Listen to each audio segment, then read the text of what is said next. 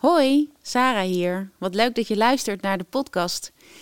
De podcast is ooit ontstaan naar aanleiding van mijn boek Ode aan de Magie. Wil jij ook een exemplaar van het boek? Ga dan naar odeaandemagie.nl. Welkom bij Ode aan de Magie. In deze aflevering brengen we een Ode aan de Magie met Maarten Oversier, regressie- en reïncarnatietherapeut. Over de magie van een gele veer die terugblikkend de start van een roeping markeert. En hoe het helen van een onzichtbaar trauma uit een vorig leven kan zorgen voor zichtbare heling in het leven hier en nu. Welkom bij deze aflevering die we voor je opnemen in Rode. Het prachtige Rode, uh, hoog, hoog boven in Drenthe. Zitten aan de keukentafel van onze gast. Je weet, Sarah, dat vind ik altijd het leukst als we bij mensen thuis mogen komen. Je leert iemand toch ook al een beetje zo kennen. En we zijn te gast bij uh, Maarten Oversier. En jij mag traditiegetrouw aan mij uitleggen waarom we hem heel graag in onze podcast wilden hebben. Nou, ik heb al uh, iets heel magisch meegemaakt via Maarten, laten we het zo zeggen, want hij weet het niet. en dat is misschien een iets langere intro dan uh, gebruikelijk, maar ik ga hem toch even vertellen, omdat het een, ik vond het een heel bijzonder verhaal. Uh, smiddags had ik gelopen met iemand en had ik verteld over een sessie die ik bij Maarten heb gedaan, die heel veel impact heeft gehad op mijn leven, in positieve zin. En toen kwam ik thuis en toen zag ik meteen op internet een aankondiging van een lezing die die avond zou plaatsvinden, waar je online tickets voor kon Toeval. krijgen. En daar ben ik voor gaan zitten samen met uh, Sven. En toen dacht ik, nou, kom op, het kan wel wat dieper. En nog voordat ik het had gezegd, begon Maarten te vertellen over uh, uh, spirituele vuilnisman en over splitsing. En toen begon ik over de duivel. En toen dacht ik ineens, wow, mijn laptop staat in de fik. Wat, wat gebeurt hier? En dat was dus via een raam daarachter stond gewoon een heleboel in de fik. En wat stond er nou in de fik? Dat was natuurlijk uh, de voormalige vuilstort in Amsterdam-Noord. En daarachter stonden de vuilniswagentjes. Die stond in de fik. Dus ik dacht, ja, spirituele vuilnisman, uh, die komt wel even binnen hier bij mij thuis. En wat er toen gebeurde, toen begon hij over onze kinderen en splitsing en ook over scheiding en wat voor impact dat heeft op, op het leven. En toen bedacht ik me dat de straat waar die fik was, dat heet de Papaverweg. En mijn zoon zegt altijd, de papa ver weg. Dat is zielig. Nou, en toen, bijzonder. op dat moment ging de bel. En dat was mijn ex-man. En die had die vlammen gezien en die was zich ontzettend geschrokken. Die was natuurlijk per ongeluk in de buurt. En die was naar ons huis gekomen om te zeggen: Jeetje, ik dacht dat jullie huis in de fik stond. Ik was zo bezorgd. En toen dacht ik: Wauw, we zijn zo ver gekomen als ouders. We hebben zoveel ruzie gemaakt en zoveel gedoe. Maar nu is het niet meer papa ver weg. Nu is het papa dichtbij. Goh. Dus dat was. Dat bijzonder mijn, verhaal, joh. Ja, dat is mijn magisch verhaal over ja. jou. Mooi om te horen, zeg. Ja. Ja. Ja, dat is, dat is dus de aanleiding. Maar... ja, ik snap het. Ja. ja. En toch daarnaast... de vuilnis weer. Ja, toch de vuilnis weer. de vuilnis in de fik. ja. ja, dus dat was de reden voor mij. En natuurlijk hebben allerlei mensen aan mij gevraagd... Uh, gaan jullie Maarten nog doen? dus ik ben heel erg vereerd dat wij hier bij jou thuis vandaag met jou mogen spreken. Nou, helemaal wederzijds. Over jouw magische wereld. Want het is natuurlijk voor ons heel helder dat jij een magische wereld vertegenwoordigt. Of in ieder geval voor heel veel mensen een wereld waar ze echt nog kennis mee willen maken. En gezien je boek willen mensen dat ook heel graag. Bestaansrecht. Het is echt een hype. Ja. Dus. Um, ik heb er kennis van genomen, ja. Ja. dus dat is heel mooi. Maar wij zijn eigenlijk heel erg geïnteresseerd in de magie in jouw leven. Dus je hebt natuurlijk heel veel magisch werk verricht. En daar gaan we vast ook nog op komen. Maar eigenlijk de eerste vraag aan jou is: wat is het meest magische wat er in jouw leven is gebeurd? Ja, het is grappig dat nu de nadruk op dat woord zo komt te liggen. Volgens mij um, schrijf ik ergens in mijn boek, in het voorwoord of zo, in het begin, um, dat ik mij als kind al goed kon herinneren dat ik zo'n soort aantrekkingskracht had tot ongeziene werelden, de wereld van de magie. Eh, ook wel spiritualiteit, de geestenwereld zelfs en zo. Met andere woorden, alles wat niet gangbaar was of zo, daar voelde ik me al toe aangetrokken. Hm. Maar goed, dat is een levensfase geweest waarin ik niet wist nog dat dit er allemaal uit zou eh, komen. Toen was het, de magie nog heel normaal. Toen was de magie, nog- ja precies. Toen was de, nou, no- dus, dat is hij nog wel, maar hij heeft wel aardige, aardige slingen gemaakt, zeg maar. Ja. Dus eh, ja, ik weet niet. Ik denk dat ik altijd wel een hang gehad heb naar wat ik dan wel eens pleeg buiten de boxwereld eh, te noemen. Mhm. Dat ehm, alles wat niet algemeen aanvaard, eh, rationeel verklaarbaar, gewoon enzovoort gevonden wordt. Dat me dat niet zo interesseert en dat ik meer wil weten over de wereld die erachter zit. En dan wordt hij al snel magisch, zoals kinderen ook kunnen denken. Hm. En eh, ja, dat is de eerste associatie die ik ermee heb. Dus je kindertijd. Toen Ja. was magisch heel gewoon.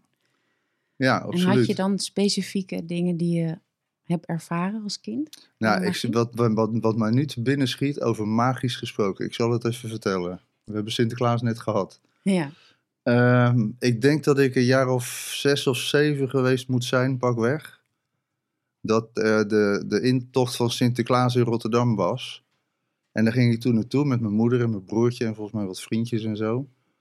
En dat was op de Koolsingel volgens mij. En in mijn beleving ehm, zo een, een immense gebeurtenis. Met dranghek en alles. Nou, dat was volgens mij ook zo. En Sinterklaas die was eh, aangekomen. Dus onwijs veel kinderen en mensen enzovoort, die stonden dan eh, achter die hekken te wachten tot hij kwam op zijn paard met al die zwarte pieten en zo. En ik herinner me dat hij, ik zag hem dus in de verte aankomen, maar die Sinterklaas, dat was voor mij zo'n magisch figuur. Maar zeker de zwarte pieten, die vond ik zo prachtig.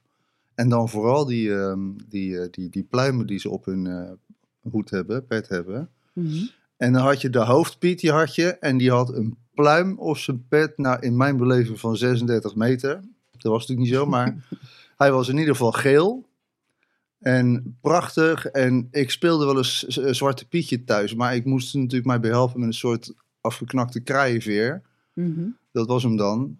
En toen dacht ik, oh, hoe zou het zijn als ik zo'n pluim op mijn, op mijn pet had? En weet je wat er toen gebeurde? Dat was echt magisch. Ik weet niet.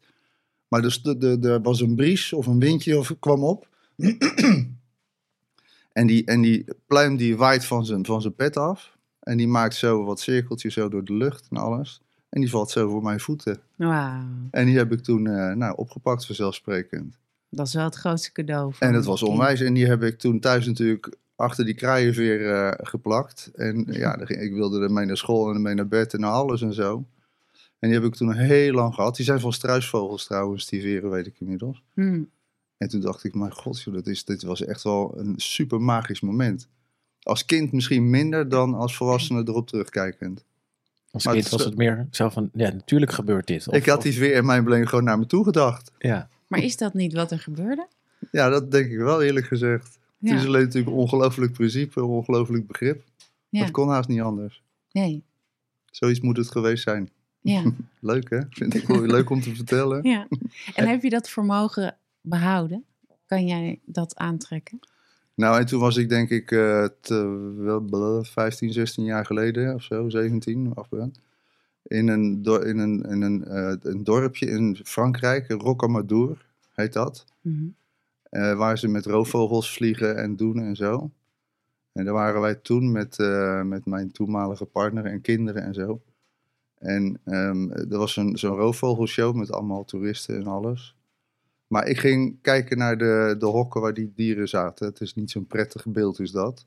Hm. En ik ben zelf altijd heel erg. ehm, ehm, voel ik mij verbonden met eh, de adelaar, maar dan met de Golden Eagle. Die zie je hier ook staan. Oftewel de steenarend. En er zat er eentje in zo'n, zo'n hok, buitengewoon triest. Dat hok was denk ik, weet niet, vier meter diep of vijf, weet ik veel, zoiets. En er zat helemaal zo helemaal daarachterin verscholen. En ik stond gewoon voor dat hek, voor dat gaas, naar die vogel te kijken. En terwijl die roofvogelshow verderop aan de gang was, dus er was er helemaal niemand. En ik vond het zo'n triest verhaal en ik bleef gewoon naar voor dat hek staan. En ik probeerde me met die vogel te verbinden. En gewoon met mijn gedachten kijken wat er gebeurt. En op een gegeven moment vloog hij op en hij kwam naar me toe, zo met zijn poten naar, naar het hek, naar het gaas. En ik schrok me helemaal suf. En ik viel echt gewoon zowat achterover. Hm. Dus het was net alsof hij mij wilde aanvallen op de hoogte van mijn hart, zeg maar. Dus ik schrok me helemaal suf. Hij reageerde echt op het idee dat ik met hem een soort contact wilde maken, om het even magisch te houden. En toen krabbelde ik op, maar wat ik toen zag is dat hij een hele grote veer verloor in die, in die, in die vlucht die hij maakte. En die kon ik zo pakken. En die heb ik nog steeds. En die heb ik dagelijks in mijn praktijk altijd bij me. En Dat ik denk, het is hetzelfde principe. Ja, Dus ik geloof, eh, ik heb die, die verbinding pas later gelegd, maar ik vond het echt ongelooflijk fascinerend en rete magisch. maar dit is een tweede verhaal over een veer. Ja, Dus ja ik, ik had ook niet bedacht dat we hierover zouden beginnen, maar Nee, maar dat is. jullie keken er net even naar die aarde, toch? Niet? Ja. En toen dacht ik, Die ja, zit hier achter mij. Ja. Ja, Over mij te prachtige waken. opgezette eh, vogel boven op de kast. Ja. Ja. hij zit inderdaad recht boven jou. En Ja. Jouw totem is ook adelaar, toch? Ik hou Ja. van adelaar. Ja. Ja. Maar wat, wat maakt adelaar voor jou zo speciaal? Nou ja, kijk, het is natuurlijk een, een zeer tot de verbeelding sprekende vogel sowieso. En ik had van kinds af aan altijd wel heel erg ehm, eh, verbinding, voelde ik met de indianen. Dus dan komt de, de adelaar en de adelaarsfeer, die komen al snel op de proppen. Die mooie plaatjes van, van allerlei oude indianen, eh, chiefs en medicine men en zo. Ja, en die hadden natuurlijk allemaal die hele mooie veren op hun tooien en zo. Maar ja, die kan je nergens krijgen. Hè? Die zijn niet te vinden. Dus ik denk dat daar ook al een soort verlangen in zat om dat ooit eens een keer dan zelf te hebben. Nou, dat krijg je bij de Sinterklaasoptocht. Nou, daar begon het dan, denk ik. Want die zwarte pieten over. dragen geen adelaarsveren natuurlijk op die petten. Nee, maar het is wel alsof je echt je veren al heel jong hebt verdiend. Ja, Als zo had, ik het zo- niet, zo had ik het niet gezien. Kijk, weet je, het is ook wel aardig om dan in het verlengde van dit te vertellen dat ik een uitnodiging deed. Het was in 2006, dus heb ik twee Canadese indianen uitgenodigd hier Mm. naartoe te komen. Mhm. Echt traditionals, hè. En, en dan hadden we een workshop georganiseerd, hier achter op het terrein trouwens. Mhm. Voor, ik denk wel 70 mensen of zo. En eh, nou, die kwamen hier. Ik had ze opgehaald uit, van Schiphol. Super touching om te zien hoe ze trouwens dan onder de indruk zijn van, eh, van Nederland. Hè. Alles is hier zo groen en fertile en zo. Ja, ja. Maar goed, ik liet ze mijn eh, praktijkruimte zien. Die is achter, daar stond toen die adelaar. En dan had ik ook nog een schedel van een beer staan en eh, een, een, een, een coyote opgezet. En allemaal van die, nou, van die grote jongens in de totemwereld, zullen we maar zeggen. Hm. Dus die, die William, een van die indianen, die vroeg mij van... Hé, hey, want ik keek zo en hij zegt, dat is wel indrukwekkend. Maar, maar leven die dieren hier ook in Nederland dan? Nou, ik voelde hem natuurlijk al aankomen. dus ik zei, nou nee, niet echt. Dus hij zei eigenlijk, maar how about your local totems? Hè? Hoe zit het eigenlijk met je lokale totems? Want het is allemaal indrukwekkend. Ja. En hij leerde me daar een enorm lesje. Want, want de lokale totems zijn natuurlijk hier de havik en de, en de buizerd en, eh, en de valk en, eh, enzovoort. En de koe? Nee. En, en nou, de, Ja. de eekhoorn en de ree hè? Ja, en, en, ja. en dat en de marter en, eh, en, en de das enzovoort. Ja, en dat is natuurlijk een prachtige les van hem ook, weet je. Het is natuurlijk ook, het zijn ook wel ego-totems, noem ik het ook wel eens. Ja. In die wereld. Dus ik ben ook wel erin wat rustiger geworden. Maar goed, het principe is wel blijven bestaan. Ja. Dus eh, ja, ik kan over veel van alles vertellen, want het schiet me alweer een verhaal te binnen. Maar goed, laat Kom maar. op, dit Ja. is, als het in een podcast kan, dan is Nou, het bij oké, Ode aan dus, de dus ik, ik had... Meer veren. Ik had eigenlijk zo op mijn vlekken gehad van William. Daar kwam het een beetje op neer. Mhm. Ik vond het buitengewoon waardevolle les. Sowieso. Hè? Dus, dus het is net zo goed als het goed is om, om lokaal producten te kopen. Een lokaal initiatief te nemen. Om je dan ook eh, te verbinden met de lokale totems. Als je gelooft dat ze je wat te vertellen hebben. Eh, kan een ree weinig vertellen over, de, over de, de vlakte in Canada, zeg maar. Nou ja, enzovoort. Dus dat had ik al te harte genomen. Toen reed ik een keer, dus, dus met die les nog natrillend in mijn kop. reed ik een keer naar een vriend van mij, die woont in Denemarken. Dus dan moet je over de autoweg van eh, Hamburg naar, naar, hoe heet het daar, eh, naar, naar, naar de Deense grens. En op een gegeven moment zag ik een, een buizerd langs de weg liggen. Maar die lag eh, eh, in het midden, hè? dus de- op de middenberm. Dus ik denk, ik wil die buizerd heel graag hebben, want ik vind het gaaf om lokale veren te hebben en zo. Alweer even geleden. Dus ik had mijn auto langs de weg gezet. Citroën BX, een donkergroene. En ik heb een moment gepakt om dan die autobaan over te steken. Dus ik stond op een gegeven moment in het middenberm. Dat zijn er twee van die, van die, van die railsen, zeg maar. En dan links en rechts twee banen. eh, hardrijdend eh, Duits verkeer over het algemeen. Dus ik stond er in het midden met die buizerd in mijn hand. En aan de andere kant stond die, mijn auto. Maar ik zag op een gegeven moment zoveel verkeer komen dat ik niet meer wist hoe ik terug zou moest komen. Dus er is echt een moment geweest dat ik met die buizerd in mijn hand echt in paniek verkeerde. Want nou, het bleef maar gaan. Ik denk, jeetje, hoe kom ik hier godsnaam weg? Iedereen seinen, vingers opsteken enzovoort. Weet je, ik stond daar natuurlijk volledig als een malloot met die buizerd in mijn handen. En toen heb ik uiteindelijk, nou in mijn beleving heb ik er heel lang gestaan. Dat zal in de echi misschien vijf of zes, zeven, acht minuten zijn geweest. Maar dat is lang hoor. Ja. En toen ben ik uiteindelijk eh, nou, tussen het verkeer door, hop, hop, toeterend eh, het verkeer dan naar de andere kant gelopen. En toen had ik mijn buizerd en die heb ik toen helemaal geprepareerd en gedaan. Maar de ervaring die ik daar had was meer sprekend, zeg maar, dan, dan ik had bedacht. En toen dacht ik van, kijk, zo werkt het dus met die totems, hè. Ja. Zo daag je uit voor iets. En dan worden er ervaringen in jezelf aangeraakt die je niet zo me- snel meer zelf zou eh, aanraken. En dat is, dat is prachtig geweest. Dus als ik het nu zo vertel, denk ik, goh, de veer van de Zwarte Piet Mhm. en de Rocamadour veer van de Adelaar en dit. eh, Was, dit, was dat een echte initiatie? Van nou de- ja, zo mag je het best wel noemen. Ik wil daar nooit zo zwaarwegend over doen, maar inderdaad, zo zou je het zeker kunnen noemen. Ik heb inmiddels natuurlijk best wel hoop dingen meegemaakt.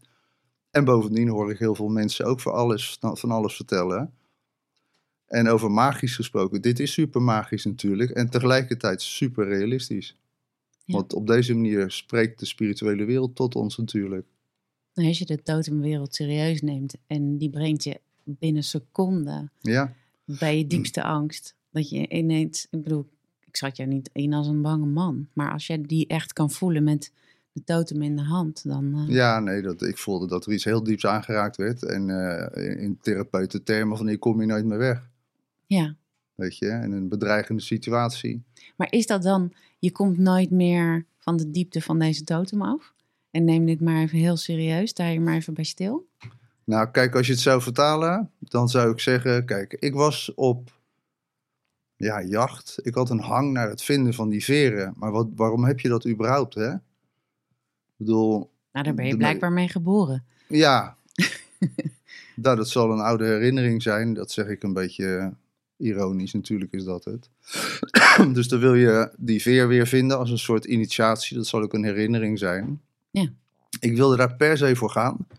Ik was er ook, dus ik heb het ook gedaan. Hè? Dus het is natuurlijk dat je ook een pad moet bewandelen, letterlijk om er te komen. Ja. In dit geval moest je de Rijksweg oversteken. en Nou ja, dat je dan... gevaar voor je het pad leven. van anderen Nou, het was wel, het was pislink eigenlijk. Hè? Ja.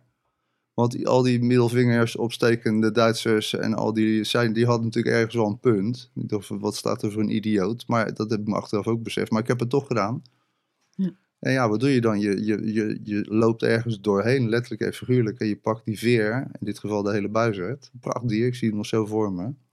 En in feite raakt dat aan iets van jezelf wat je eigenlijk kwijt bent geraakt. Hè? Ja, Zo heb ik het gevoeld. want je, je refereerde net al even naar dat je een soort hang of een interesse had in natives. Wat, kan je dat omschrijven? Heeft dat daarmee te maken? Ja, ik zie dat wel zo. Kijk, het is natuurlijk. ehm, ik heb mij mijn leven lang omringd met, met Indianen. Ik wou zeggen Indianenverhalen, maar dat ook. Mhm. Ik weet dat ik als kind gewoon zo ongelooflijk verbonden mij voelde met Indianen. Ik, ik, ik speelde het ook. Als kindje, als kind was ik Indiaan in mijn beleving. Dus ik weet nog goed dat ik, ik was altijd, zodra ik kon Indiaantje aan het spelen, dat mijn moeder mij een keer riep toen ik in de tuin weer ergens onder een boom zat met een, met een, met een zeemelappie eh, voor mijn geslacht. eh. En dat ze zei, nou Maarten, we moeten eten. Zit je nou weer Indiaantje te spelen of zoiets? En dat ik me herinner dat ik dan dacht van, oh joh, ik ben het aan het spelen. Mm. Dat weet ik nog heel goed. Ik denk dat ik achter was of zo. Ik denk, En- als ik, het is dus niet echt, dus ik, ik speel dit. Dat was het eerste me- moment dat je dat realiseerde. Want daarvoor was het, Toen was ik dat. je was dat. Ja, maar dat hebben kinderen natuurlijk veel meer. Die kunnen gewoon alle minuut, als je een kind vraagt van eh, stappen ze in de beleving van een leeuw of zo, of wat ook, dan gaan ze erin en ze zijn het. Dat, eh, dat is super magisch natuurlijk. Maar denk jij dan vanuit je werk dat kinderen eh, dingen spelen die ze herinneren uit vorige levens of wat, iets wat in hun DNA zit? Ja, dat denk ik wel. Het is natuurlijk zo dat als het gaat over het therapeutische aspect, dat er heel veel dingen zijn die kinderen zich niet willen herinneren. Of dat je je herinnert hoe kwetsbaar je ooit was en hoe bedreigend een bepaalde situatie ooit was. Dat dat voor een kind aanleiding geeft om je met een leeuw of een adelaar te willen identificeren, want er kan niemand tegenop. Maar dan nu beschrijf je het een beetje als een, als een vlucht uit Ja, een nare herinneringen. Noem het een vlucht. Het is een, eh, een soort, eh, ik denk een soort empowerment dan, wat je als kind voelt. Mhm. Eh, wat je aansterkt. Want zo is het oorspronkelijk ook bedoeld natuurlijk. Vanuit de Indiaanse cultuur is het zo bedoeld. Hè? Dat je je verbinding zoekt met je totems en met je voorouders. Mhm. Om jezelf eh, sterk neer te zetten in het, in het leven. Om jezelf te bekrachtigen. Ja, om jezelf te bekrachtigen, precies. Om je medicine te ontdekken. Ja. Want, want jonge mensen in die culturen, nou, die werden gewoon eh, drie, vier dagen de berg opgestuurd. Ja. Hè, door de familie. Go get your vision. En dus niet van eh, laat je even vaccineren en zorg dat je goed je best doet op school, want dan word je wat. Ja. Nee, go get your vision. Zonder Ja. eten en drinken de berg op. En zoek het even uit. En zorg dat je je visioen haalt. Want dat is de leidraad voor het leven. Het is prachtig mooi eigenlijk. Hè? Ja. Is dat ook wat, eh, wat jij zelf ook moest hervinden? Eh, ik wil je in je boek en in de vele podcasts die je inmiddels, eh, waar je, is jouw hele verhaal wel wat terug te halen. Maar voor mij klinkt dat er ook even in. Want eh, jij beschreef, als, als kind had je al allerlei eh, ervaringen. Eh, vervolgens heb je een, tussen haakjes, gewone carrière eh, gehad. Hè? Gewoon in de keuken, huppakee, rammen, hard werken. Ja. Dat- het klinkt alsof je het echt ook moest je, je herinneren. Die, die, die taal die ons zoveel extra lagen geeft. De totems, voorouders. dat, dat, dat, dat, we- dat je die een beetje kwijt was. Ja, ik zie het zo. Sorry. Ik zie het zo dat heel veel kinderen. ehm, want dan, ik heb zelf ook vier kinderen, maar ik, heb ook veel met kinderen gewerkt in de praktijk. In hun jonge jaren, dus dat, dat is dan misschien tot tien of zo. Allemaal van die dromen hebben over het leven. De ene die wil boswachter worden en de ander die wil voor mijn part voetballer worden. En de ander die wil met dieren iets doen of eh, die wil een heks zijn of ik weet niet wat. Allemaal van die magische belevingswerelden die kinderen hebben. En ik denk dat die belevingswerelden aansluiten op wat zij ooit eerder deden in eerdere levens, maar de behoefte hebben, dank je, de behoefte hebben om die nog een keer een nieuwe ontwikkeling te geven, omdat het toen vastliep. Maar ja, dan gebeurt er iets bijzonders. Dan is het natuurlijk toch de maatschappij met al zijn verwachtingspatronen die zich aan je gaat eh, opdringen. En dan, dan ja, worden veel kinderen natuurlijk in een soort fuik getrokken. Waarin ze leren in hun cognities eh, door te slaan eigenlijk. En je in een werkveld van, van studenten en medestudenten en allerlei gradaties en verwachtingspatronen en prestigezaken eh, te gaan ontwikkelen. Ja, dan ga je dus eigenlijk weg van je oorspronkelijk droom. Maar zeg je nou eigenlijk dat als wij niet met deze maatschappij de kinderen zouden vormen op die manier, dat er dan een natuurlijke heling zou plaatsvinden door. Ja, die vat het Spelen. mooi samen. Zo zit het volgens mij in elkaar. Oké, en nu hebben we dus eigenlijk, omdat we weggaan van onszelf op latere leeftijd, dan een soort van. Heel vaak gaan mensen zich dan ontwikkelen. En dan gaan ze weer terug en dan wat therapie of weet ik wat, wat ze Mhm. gaan doen. Maar komen ze bij jou terecht? En moeten ze dan op een heel andere manier die, die heling, die niet op natuurlijke wijze op gang is gekomen, maar echt werken daaraan? Ja, want kijk, ik heb natuurlijk, als het voor mezelf spreek, die carrière inderdaad gemaakt. Ik ben eh, de keuken ingegaan en dat was toen het beste wat ik kon doen. Maar uiteindelijk is het ook wel een escape geweest, omdat ik mij niet kon verhouden tot die gigantische wereld van verwachtingen. Dat trok ik helemaal niet, dat wist ik al. Ik denk, oh ja, maar als ik hierin terechtkom, dan ben ik verloren dadelijk. Dus ik ben gelukkig ehm, in die wereld terechtgekomen. De keuken, want dan kan je natuurlijk knallen en doen. En ik ben best ambitieus, dus ja, ik had ook veel te doen. Maar wat ik ben gaan doen uiteindelijk, eh, en waar ik gelukkig voor gekozen heb, dus dat wat ik nu eh, doe, Ehm, dat moest wel sterk genoeg zijn op een gegeven moment om door dat carrièreverhaal heen te prikken. Als je snapt wat ik bedoel. En ik weet gewoon dat ik toen, ik was toen, eh, ik geloof 35 of zo, 36.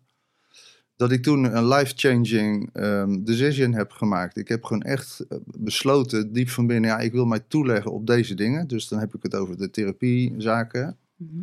En alternatief, want dat heette toen ook al reïncarnatietherapie.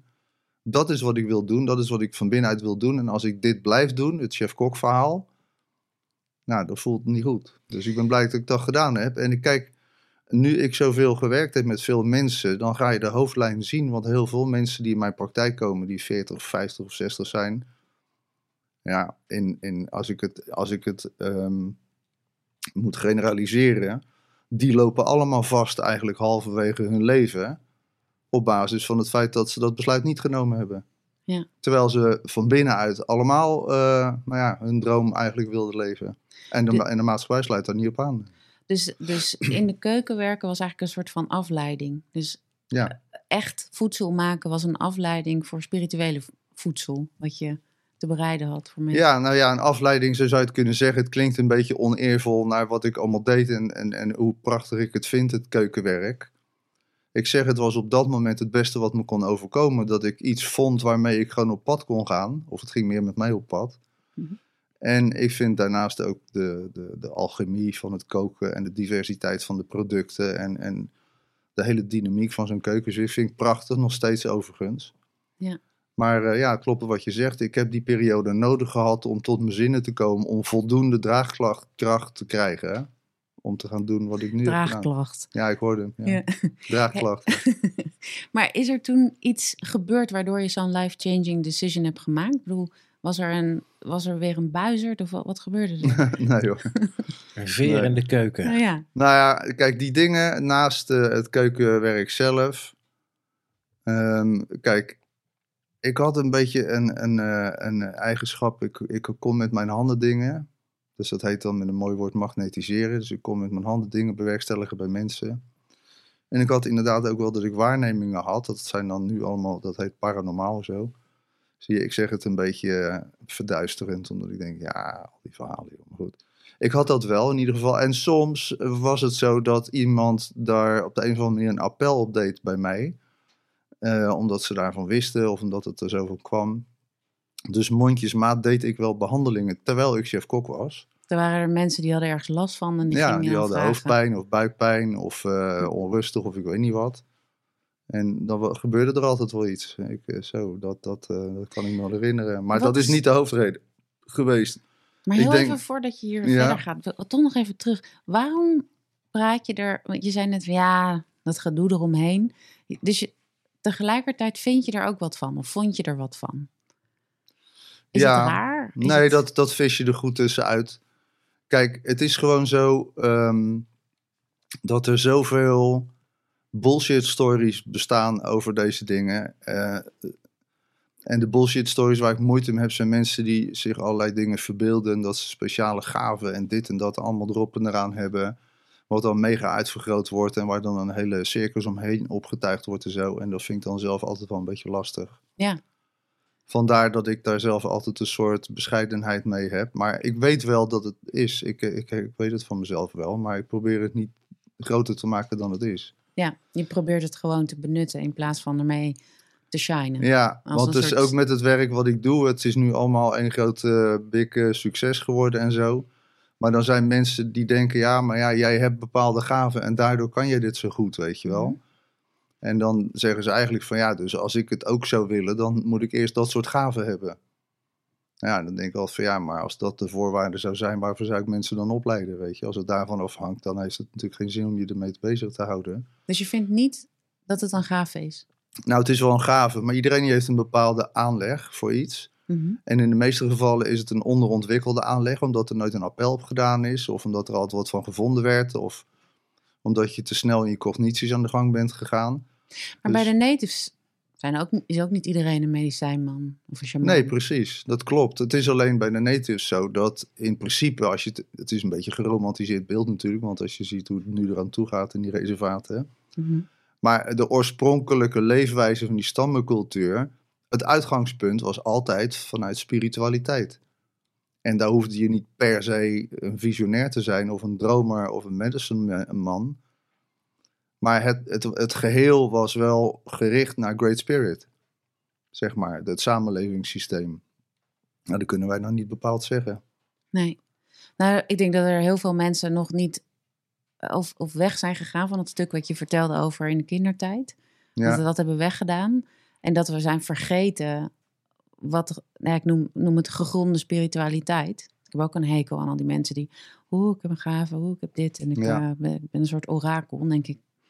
Oké, ja, maar collectief zijn we wel een beetje vergeten. En mag het in de westerse wereld ook helemaal niet zijn. Er wordt er van alles van gevonden. Is dat misschien wat toch ook meepraat bij jou? Want jij bent, eh, nou, op je 35ste ben je dan het pad gaan volgen. En, en dus inderdaad ook gewoon hartstikke mooi, hè? je volgt je eigen pad.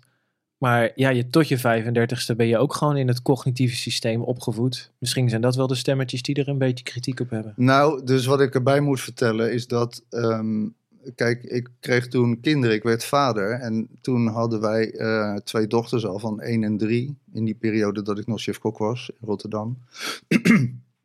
en dat ik natuurlijk, doordat ik mijn vader zelf zo vroeg verloor. zoiets had van ja, maar kijk, als ik dit nu blijf doen. Dan zien die kinderen van mij ook geen vader. En andersom. Hè? Dus dat is ook echt een hele belangrijke doorslag geweest. Dat heb ik nog niet genoemd, maar bij deze. Om te zeggen, ja, ik weet niet, dit chef-kokvak is natuurlijk prachtig mooi, maar het is, je bent ermee getrouwd en je, je- weet je, je gaat alleen maar erin door en je bent altijd met feestdagen op, eh, op pad en altijd laat enzovoort enzovoort. Ik denk, dat wil ik niet. Ik wil gewoon ook vader kunnen zijn. Dus dat is ook absoluut een hele belangrijke doorslag geweest voor mij om te kiezen voor wat anders. Ja. Dus dat moet ik er wel bij eh, vermelden. En, en daaronder woelde dit al. Ja, Want het, ik vind het ook nog wel een stapje, want je noemt nu dat je kon magnetiseren. Maar de stap naar, van magnetiseren naar reïncarnatietherapeut, dat vind ik nog wel weer een Ja. andere wereld. je moet het zo zien van, weet je, kijk, als je je met die dingen bezighoudt. Kijk, ik weet dat ik in die tijd, dus toen was ik ook, eh, werkte ik gewoon in de keuken. Ging ik vaak naar ehm, eh, lezingen of spirituele bijeenkomsten. Of eh, dat heette toen bloemenseances van eh, Stichting Harmonia. Ik weet niet eens of het nog bestaat. En ik las ook boeken, dus naast de kookboeken van Paul Bocuse, mijn grote god. De beste kok ter wereld, zeg maar las ik ook boeken over spiritualiteit. En ze was een beetje zoekend. Dus dat waren gewoon letterlijk twee sporen die ik bewandelde. Voor de buitenwereld ging het allemaal om het koken. Eh, voor mijn vriendenkring en mijn sociale wereldje. En mijn familie ook. En zo is het natuurlijk super stoer als je chef-kok bent van een mooi hotel en bla bla bla. En dat andere, ja, daar wist men wel wat van, maar dat hield ik een beetje bedekt. Maar ik had altijd enorm die drang om daar toch ook echt mee bezig te zijn. Maar zeg je nou eigenlijk, zei je nou stiekem eigenlijk, omdat je vader vroeg is overleden, is hij eigenlijk de reden dat je Ja. Contact hebt gemaakt met dat voorouderveld? En dat je daar in je Ja. werk moest gaan doen? Ik, ik zeg het, zet het in zoveel woorden, ook volgens mij in mijn boek, in, in, in de inleiding ergens of zo. Van, kijk, ik weet dat ik als kind, en toen was ik 3,5, 4, weet ik veel, toen mijn vader doodging was ik 3,5, maar in de jaren daarna, ehm, op een kinderlijk magische manier, besloot mijn vader te gaan terugvinden. Hmm. Er werd gezegd dat hij er dan niet meer was. Nou, hij was natuurlijk veel weg vanwege zijn werk, sowieso. Hij, hij werkte altijd in het buitenland. Hij was exportmanager, dus hij was sowieso niet veel thuis. Maar nu was hij naar de hemel op reis, volgens mijn directe omgeving. Dat vond ik wel heel ver weg. En toen dacht ik gewoon van, nou ja, dan ga ik hem daar zoeken. Hmm. En dat is absoluut waar. Daar ligt de, de grondslag van dit hele gebeuren. Dus ik zeg wel eens van ja, wat ik nou maar uitgevonden heb, en voor mijn part mijn boek, is eigenlijk ehm, het gevolg van mijn zoektocht naar mijn pa. Hm. Dus het gaat nog verder. Ik denk dat als hij niet was gestorven, dat ik dat boek nooit geschreven had. Nee, en het Hij hele werk niet En dan gedaan. hadden we jullie ook hier niet gezeten. Ja. Of misschien voor iets heel anders, weet ik veel. Maar... Dus wij zijn heel dankbaar voor je vader. Ja, maar zo denk ik dat iedereen. dat- Dat is altijd van, weet je, ja, ik heb natuurlijk best wel veel aandacht op momenten. En dan vertel ik dat verhaal, dus ook prima. Maar ik vind het ook wel gaaf om te noemen dat ik door mijn werk met zoveel mensen gesproken heb. En die gaan dan misschien wat minder in de schijnwerpers terechtkomen. Maar die hebben allemaal van dit soort bijzondere verhalen. Allemaal levensgebeurtenissen die zo diep impact hebben. Ja. dat daar allerlei besluitvorming aan de grondslag ligt die ze in een bepaalde koers terecht doen komen. En zo werkt het dus kennelijk. Dit is mijn verhaal, dat, dat is zo, dat is zoals het bij mij gegaan is. Mhm. Maar ja, hoeveel mensen hebben niet iets enorms meegemaakt waardoor ze, weet ik veel, muzikant worden of dichter of op pad gaan of, of gaan schrijven. Of... Ja, en dan heb je er een heleboel die gewoon vast zijn komen te zitten in het systeem. Tot groot ongenoegen van hun spirit, zullen we maar zeggen. Ja. Maar dan zie je ook hoe die indianen dat bedoeld hebben. Die zeggen ook gewoon go get your vision. Ja. Is super logisch. En het feit dat wij dat inderdaad indianenverhalen vinden, is absurd gewoon. Zo is het bedoeld. Je spirituele uitdaging ligt niet in, een, in het bedrijfsleven. Nou, het kan overal in liggen. Ik denk dat er ook mensen per ongeluk wakker worden in het bedrijfsleven. Want het is gegronde spiritualiteit. Die heeft wel ook te maken met wat je in het leven doet. Er zijn een heleboel mensen die een knieval maken in het bedrijfsleven. Tenminste, dat is wat Nou, dat klopt. Maar die, gaan zin. er wel uit, meestal.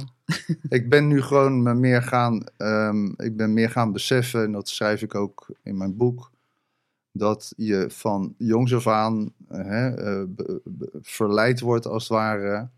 Nou, het is meer gedirigeerd om in het bedrijfsleven terecht te komen. En dan is het allemaal generaliserend. Ik kan hier wel mijn aanhalingstekentjes maken met beide vingers, maar daar komt wel op neer. Ik bedoel gewoon in een door, door multinationals gedomineerde eh, economische systeem. Waar allerlei machten en krachten achter zitten die de touwtjes in handen hebben enzovoort. Daar worden we naartoe gezogen. In grote lijnen is dat het grote stofzuigereffect. Ja. En wat is de bedoeling? Dat wij die wereld ingestofzuigd worden. Zodat wij onze talenten en kwaliteiten eigenlijk eh, vrij ter contributie afgeven aan dat systeem. Terwijl we niet snappen wat voor systeem dat eigenlijk is. Ja. Dat is het grote plaatje. Nou, daar ben ik wel achter. En dan in het gunstigste geval halverwege je leven een keer eh, op je bek gaat. Een burn-out krijgt of letterlijk op je bek of weet ik wat allemaal.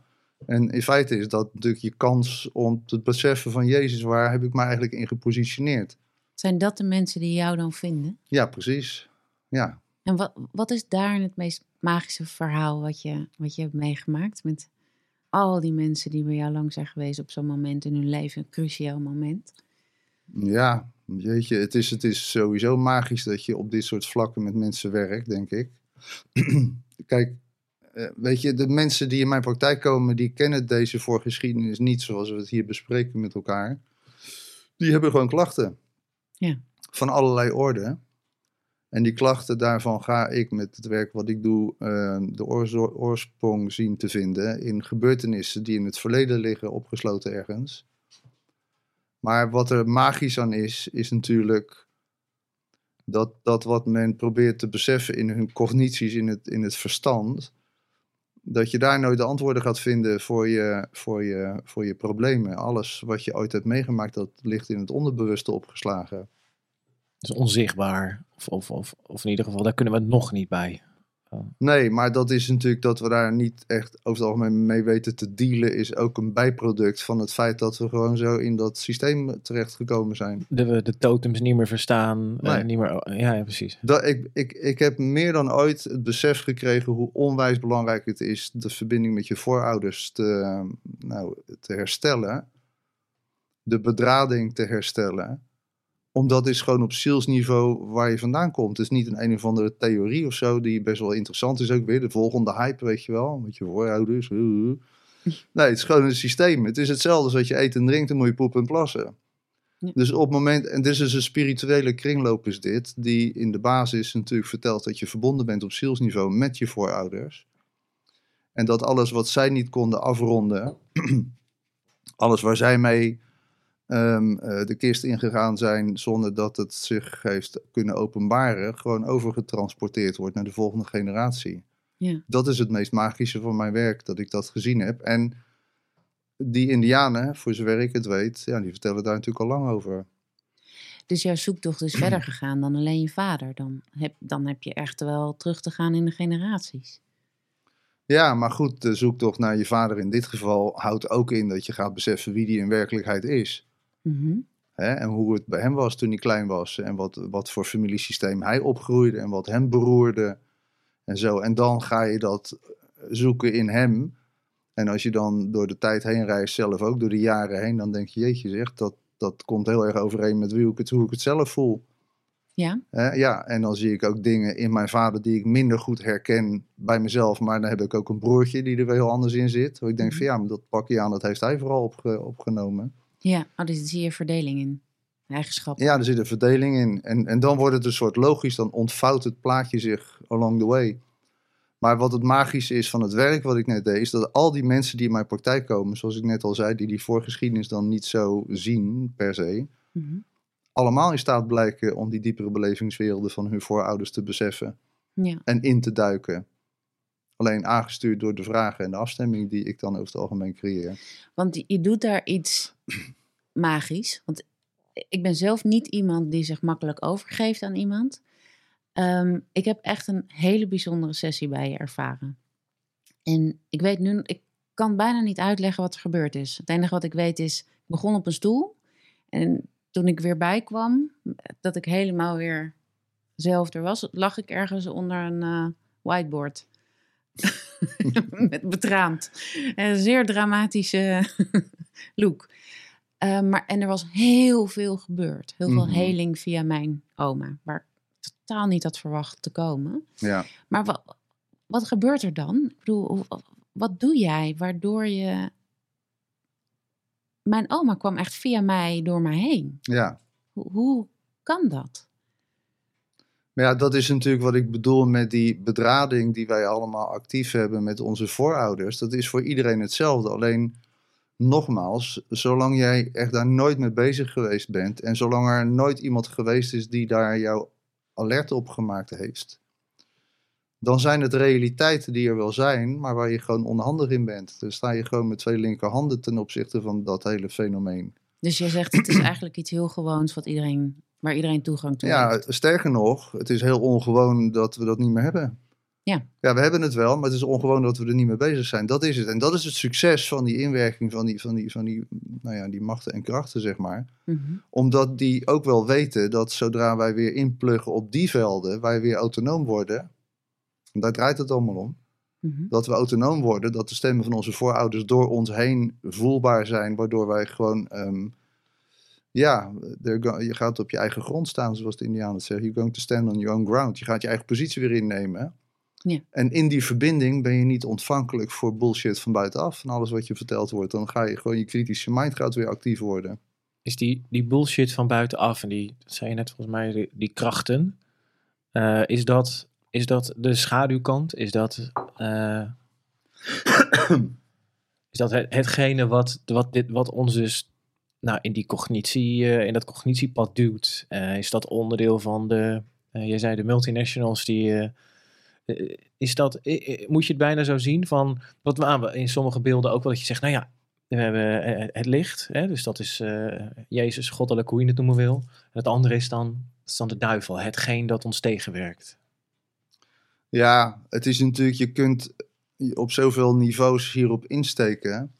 De realiteit binnen mijn praktijk is gewoon zo dat wanneer iemand klachten heeft, dat is altijd het uitgangspunt, zoals ik net zei, anders komen ze niet naar de praktijk. Ehm, van welke orde dan ook, ik ervan uitga dat de oorsprong van die klachten niet in die persoon ligt, maar dat die oorsprong ligt in, in beschadigingen die in die voorouderlijke lijnen al ontstonden. En op basis van dat weten kan ik informatie gaan inwinnen over de biografie van iemand. Nou, dan ontdek je een oma die dit heeft meegemaakt, onder andere jouw grootmoeder. En een opa die in de oorlog vastliep in bepaalde besluiten. En zo ontstaan dan schaduwkanten, weet je. Dus op het moment dat de oma iets meegemaakt heeft en zij voelt daar schaamte, schande en schuld over, achteraf, dan wordt het een schaduwkant. Want daar gaat ze niet meer mee naar buiten toe komen. Ja. En als opa eh, dit of dat besloot in de periode van de oorlog, waardoor hij achteraf dacht van, oh jee, ik ben de oorzaak van een hoop ellende, dan gaat dat eh, verinnerlijken en dan gaat niemand er meer mee dealen en dan sluit hij dat op, daar kan je ook ziek van worden en zo. Ja. Maar de wetten op, op zielsniveau, die zeggen wel dat het geslacht wat daarop volgt, dus de kinderen en de kleinkinderen, ook in die thematiek incarneren. Dus die pakken om redenen precies dat stukje van oma of dat stukje van opa op, Omdat het uiteindelijk vanuit een zielenwet weer het daglicht wil zien. Ja. Hè, en dan is het voor mij, een nou, koud kunstje is overdreven, maar dan is, het, dan is het niet zo heel moeilijk om te zien welke grootmoeder of grootvader weerklinkt in het klachtenpatroon van een, van een cliënt dan. Als het, eh, want het is ook gewoon jouw, jouw vak. Hè? Je, als je, je bent hier uh, al langer mee bezig dan met koken, of dat niet helemaal, maar in ieder Nou, geval. Ik doe nu 27 jaar of zo. Ja, maar wel gewoon, dit, dit is je vak. Ehm, ja, ben je dan dus nog, nog steeds soms ook wel verwonderd? Kan, kan jij ook nog verrast worden hoe het zit? Want je zegt bijna, dit is bijna een koud kunstje. Ik weet gewoon, nou, welke knop. Ja, Of, dat eh, klonk een beetje populistisch. eh, dat, dat, Ja, dat vergeven we je gelijk hoor. Ja. nou, weet je, het is, het is, het is, een- wat ironisch is gewoon, is dat wat mensen bezighoudt in hun zoektocht naar heling en oplossingen, wat dan ook, soms zo gecompliceerd in elkaar zit. Terwijl ik dan denk van, jezus man, één, één blik naar oma, waar nooit over gesproken mocht worden. En je had jezelf tien jaar eh, zoektocht kunnen ehm, voorkomen. Ja. En dat is wat mij wel verwondert, eh, hoe de, de mate waarin wij beïnvloedbaar zijn door allerlei theorieën en gedachtegoeden en toestanden die ons in feite constant afhouden van dit soort simplicity. Omdat het grappige is van, ik zeg wel eens van ja, het zou mooi zijn als je een camera in die praktijk van mij zou hangen. Hey, je zou een week lang even die sessies moeten zien en dan broadcasten. Dan weten de mensen niet wat ze zien. Nee. Dan zien ze op de eerste plaats dat ik ze niks in de mond leg. In de tweede plaats zien ze dat niemand wat aan het spelen is. Hè. Het is allemaal heel, heel erg eh, authentiek wat er gebeurt. En ten derde, en dat is misschien wel het meest fascinerende, zien mensen ook hoe simpel eigenlijk het is. Dat wanneer jij pijn in je buik hebt, weet ik veel. Terwijl oma in haar buik ooit doodging omdat ze daar alle schaamte, schande en schuldervaring in stopte. Ja. Dat, dat haar geheimen weerklinken in de buik van een kleindochter. En hoe dat dan gevoeld wordt en hoe die tranen dan automatisch komen en hoe dat dan met de meest kinderlijke simpelheid eigenlijk heel makkelijk beseft wordt en er direct een soort bevrijdend effect plaatsvindt. Dat is dan zo oer en zo gewoon en zo des mensens, zeg maar, dat ik dat meest, het meest verwonderlijke vind dat dat voor veel mensen zo wonderlijk is. Ik, heb, ik voel me soms een beetje, omdat ik heb het gevoel dat ik heel veel dingen aanga. En dan denk ik zo, dan draag ik een hele hoop rommel van mijn voorouders die daar niet aan toe kwamen of het niet konden of, of weet ik het wat. Dan voel ik me wel eens, denk ik, moet ik dat allemaal doen? En soms voel ik ook, gaat het me wel lukken? Er ligt zoveel. Hey, moet ik doorgaan? Heeft het zin? Kan ik echt zo diep helen? Want ik ga Ja. sowieso rommel doorgeven aan, mijn- aan, aan mijn kinderen. Dus misschien is het wel de bedoeling om... Ik, ja, ik weet het niet. Nou ja, er ligt in mij. Kijk, ik snap heus wel de struggle hoor, die ken ik zelf ook. Maar het is meer eh, dat het principe erachter. Het is een ecologisch systeem, zo zie ik het. Het principe erachter, dat is voor heel veel mensen al niet eens in beeld. Dus als jij kunt zien hoe de kringloop van een, van een appel in elkaar zit, van een bloesem tot een appel, en dat je weet dat die appel groeit door allerlei weersomstandigheden die in die seizoenen er zijn. Veel wind, veel zon, veel, veel eh, neerslag, weet ik veel. Dat zijn de invloeden. Nou, Mhm, vertaal die maar naar menselijke invloeden. mhm. En dat dat allemaal effect heeft op hoe die appel zich vormt. Letterlijk. Ja. Hoe die smaakt ook. Mhm. Had ik laatst met Herman en Blijker over hoe dat smaakt. Ja, dus oma, eh, sommige oma's zijn zuurpruimen. Hè? Ja. Of die zijn verbitterd. Ja, die smaken zijn allemaal overeenkomstig. Dat zijn allemaal gevolgen van de inwerking van omgevingsinvloeden. Ik vind dat zo prachtig. Maar in ieder geval, op een gegeven moment valt het appeltje. Symboliseert natuurlijk het sterven. Mhm. Maar ja, wat gebeurt er eigenlijk? Het appeltje valt. Hè? Het vlees wordt de compost eigenlijk voor het nieuwe leven. Mhm. En het zaad ontkiemt weer in een nieuw seizoen. Maar ja, wat er ontkiemt, draagt wel de ervaring van het voorgaande seizoen in zich. Ja. Dus als daar nog een stuk bitterheid in zit, of een stuk zuur in zit, of een stuk wat dan ook, Mhm. dan is het wel de realiteit van het nieuwe leven waar het mee begint. Snap je? En zo werkt het voor jou ook als jij het kind of het kleinkind van een zuurpruimoma wordt. Mhm. Dat je dat doet omdat daarin een herkenning vindbaar is van jezelf. Toen jij in eerdere levens misschien ook een zuurpruim geworden bent onder bepaalde invloeden. Ja. Dus dan heb je dankzij deze oma, waarin je jezelf dan ehm, herkent, zeg maar, Mhm. eh, de kans om weer zoet te worden. Waardoor je eer- maar eerst weer tegen het zure aan moest lopen. Ja, dus het zure is je les. Ja, da- dat symboliseert je les. Er is met de smaak zuur niks mis, maar hier even uitgaande van het Ja, ja. idee dat dat een ongewenste situatie is. Mhm. Dus dat als jij uit eerdere levens, dan heb ik het over vorige levens van jouzelf, Mhm. vastgelopen bent in omstandigheden die jou verzuurd hebben, Ja. dan is het zo dat jij als ziel verlangt daar weer zoetigheid in te gaan ervaren. Maar dat het belangrijk is eerst tegen te lopen, te, te lopen tegen diezelfde verzuur, verzuring via een grootmoeder. Maar nu hoor ik eigenlijk een vervlechting van twee dingen. Ja, waar ik altijd ook. al heel nieuwsgierig naar ben. Dus je hebt andere levens. Dat hoeft niet binnen het gezin van herkomst of te Nee. zijn. Maar je, je hebt ook je DNA. dus je bent belast door het DNA, want dat is je herkomst in volgorde. Mhm.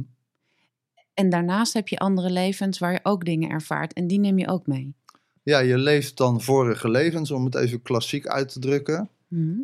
vele vorige levens, waarin je in allerlei gedaanten, menselijke gedaanten, ervaringen opdoet als man en als vrouw, in daarbij behorende habitats, in een tijdsbeeld die natuurlijk ontzettend verschilt. En dat gaat ver terug, weet ik veel, Atlantis, Lemurië, eh, nou ja, de Eerste, Tweede Wereldoorlog, Napoleon-tijd, ga maar door, de hele, de hele serie. Mhm. Dus dat is eigenlijk jouw persoonlijke parcours, wat je door levens heen ehm, meegemaakt hebt. En daarin leer je onwijs veel als mens. Je leert allerlei talenten en ontwikkelingen door te maken. Het verrijkt je op alle mogelijke vlakken. Maar het is ook zo dat die levens ervoor zorgen dat er, dat er pijnpunten blijven steken. Dat je vastloopt in bepaalde zaken. Dus het vastlopen is daar niet om je te pesten, maar als een cadeau om ergens doorheen te stappen. Ja, het is gewoon zo dat je kunt vastlopen in bepaalde zaken, omdat een bepaald leven in, in de beperking van de biologie, geboorte, dood, niet toereikend is geweest om het uit te kristalliseren. Dus dan ga je voortijdig dood, zeg maar. Ja. Hè, dan is je, is je game over. Ja. Maar game over betekent dat dat wat allemaal onafgerond is gebleven, nog steeds behoeftig blijft het wel af te ronden. Ja. En daarvoor ga je nieuwe incarnaties aan. Ja. En die nieuwe incarnaties moeten voorwaarden hebben, namelijk ze moeten dezelfde ingrediënten hebben eh, in essentie als die ja, waar jij toen in vastliep. Ja. Zodat je een nieuwe slag kunt slaan, zeg maar, op, op een oud thema. Want, want het kan heel snel gaan, zo'n zo'n energie die ontwikkelt of heelt. Want ik had een paar weken geleden een heel intens gesprek met mijn vader. Waar die echt tot een bepaalde emotie kwam en ergens doorheen ging. Dat ik hem nog nooit had horen zeggen. Mhm. En vervolgens kwam s'avonds laat mijn eh, oudste zoon thuis. En die wilde plotseling uit het niks. Die kwam echt mijn slaapkamer in. En in het donker hadden we het gesprek. Toen zei hij, waarom heb ik eigenlijk niet zo'n goede band met mijn opa's? Mhm. En toen dacht ik, wauw, dit, ik heb dit gesprek vandaag. En eh, alsof hij het gehoord had. Ja, prachtig hè? hoe, hoe, hoe, hoe kan dat zo snel doorwerken? Ja, maar we zijn natuurlijk allemaal verbonden aan hetzelfde veld. Dat is weer hetzelfde principe. Wij nemen maar heel eh, be- bekrompen waar. Hè? als, je, als, je, als je geestverruimende middelen zou nemen, Mhm. of je hebt gewoon een hele spirituele ervaring, om welke reden dan ook, dan zie je natuurlijk alles in no time ineens in een bepaalde samenhang reëel zijn. Mhm. En dan kan je op dat moment ook de slappe lach krijgen over het feit dat je dat, als je dat spul niet hebt, weer eh, denkt van Jezus, wat bekrompen zit ik eigenlijk waar te, ne- waar te nemen. Ja. Dus je hebt een, een energetisch veld, noem het morfo-energetisch of een etherisch lichaam, hoe je het wil noemen, wat boordevol met informatie zit. Dus alle ervaringen van je voorouders liggen daarin opgeslagen. Het is alleen de mate waarop je daar bewust op kunt inklikken, die bepaalt hoe jij je verbonden voelt met het voorouderlijk veld. En op het moment dat jij iets wezenlijks met je vader doormaakt, jij dan, eh, hè, Mhm. Ehm, dan betekent dat in het energetisch veld inderdaad dat er een verschuiving van trilling komt. Er komt informatie vrij, dat wat je pa kennelijk heel lang verborgen heeft gehouden, Mhm. openbaart zich ineens. Ja. Er komt een herschikking in het veld. En dat betekent dat in dit geval jouw zoon daar natuurlijk ook op hetzelfde principe gebaseerd notie van gaat nemen. Dus er wordt eigenlijk iets vrijgemaakt via mij voor mijn kind. Exact. Weer. In Ja, en dan gaat hij zich ineens bepaalde vragen stellen. En aangezien jij dan zegt van ja, of nee, jouw zoon die zegt van ja, waarom heb ik zo'n slechte band met die opa's? Terwijl het zelf een jongen is, Ja. betekent het dat de mannenlijn eigenlijk nu eindelijk aandacht krijgt. En dat is voor hem van wezenlijk belangrijk natuurlijk. Ja. Omdat als hij een jongen is en hij gaat zich ontwikkelen tot man, Ja. het van cruciaal belang is dat hij de teachings van zijn, va- van zijn grootvader in dit geval ook weet. Dat hij straks als opa een goede band heeft met zijn kleinzoons. Ja, in eerste instantie met zichzelf, Ja. hè, met, het- met Daar het mannelijk bezig. stuk. Ja, precies. En ik heb nog een heel specifieke vraag. Ehm, want soms krijg je in je leven bijvoorbeeld een stiefvader. Ik heb een stiefvader in mijn leven gehad. En die heeft heel lang een hele belangrijke, prominente rol gespeeld. Het lijkt alsof je daar een positie in nam. Nu is hij wat meer op de achtergrond. Eh, hij heeft eigenlijk zijn plek opgegeven. Dat is een heel ander verhaal. En toen dacht ik meteen ook: oh god, dan zal mijn vader wel weer in beeld komen, want daar is nu ruimte voor. En echt prompt, gewoon twee weken later, mijn vader vol in beeld met allerlei Ja. muk. Dat ik denk, dat is niet mijn bloed, dat is niet mijn DNA, mijn stiefvader. Nee, zeker Heeft hij, niet. daar de, heeft hij daar iets kunnen doen in die energie? Jouw stiefvader? Nou ja, dat, hij op die plek was gaan staan eigenlijk van mijn vader, vraag ik me af. Nou ja, je moet het zo zien dat jij incarneert hè, als, als, als mens via het zaad van je vader en de eicel van je moeder. Ja. En daar heb je op zielsniveau ehm, een- allerlei afweging, afwegingen in gemaakt. Mhm. Dus ja, dat jij later kan aanlopen tegen bepaalde zaken die met je vader te maken hebben of met je moeder. Houden, kort door de bocht, je levenslessen in die je zelf te doorlopen hebt vanuit vorige levens. Mhm. Snap je? Dus op het moment dat omstandigheden, die scheiding, het neem ik aan dat er een scheiding is geweest. Ja. Nou, dan krijg jij natuurlijk te maken met een ervaring als kind, of hoe oud je dan ook was. eh, dat het fenomeen bestaat dat je als vader en moeder eh, ieder een eigen leven kan gaan leiden. Mhm. Waardoor het hele veld waar we het net over hadden verschuift. En dan komt er een andere pa in, een stiefvaderpa. Mhm. Nou, die stiefvaderpa is natuurlijk niet degene die jou de lessen die je oorspronkelijk bij je pa zou willen hebben voorziet. Hij, hoe zeg je dat? Hij helpt een nieuw veld eigenlijk eh, in stand te houden. Totdat hij, zo mooi als je zei, eh, weer oppakt, opstapt. Mhm. Hij neemt zijn plek niet meer in. Nee. En dan is het logisch dat dat wat er tussen jou en je vader, en als je broers en zus hebt, geldt dat ook net zo, Ja. Niet gezien werd of niet begrepen werd of onopgelost geweest is, alsnog aan je Hm. deur gaat kloppen. Omdat het, dus die energie kan toch een plek innemen waardoor dat ook niet kan doorstromen. 100%. Ja, en in de thematiek van je vader en moeder, die ervoor gezorgd hebben dat ze niet meer konden samen zijn, Ja. liggen jouw lessen natuurlijk ook. Ja, zeker. Dat, dus dat, daar draait het gewoon om, dat je er zo naar gaat kijken. En het feit dat zij gingen scheiden, je ouders, heeft te maken met de vorming die zij doormaakten in relatie tot hun ouders. Oftewel jouw opa en jouw oma. Mhm. Dus wat daar niet uitgewerkt werd, dat hebben ze op elkaar geprojecteerd. Totaal. Ja, nou dat is zonde, want dat, nou ja, zonde, soms, zo zo gaan die dingen soms. Ja.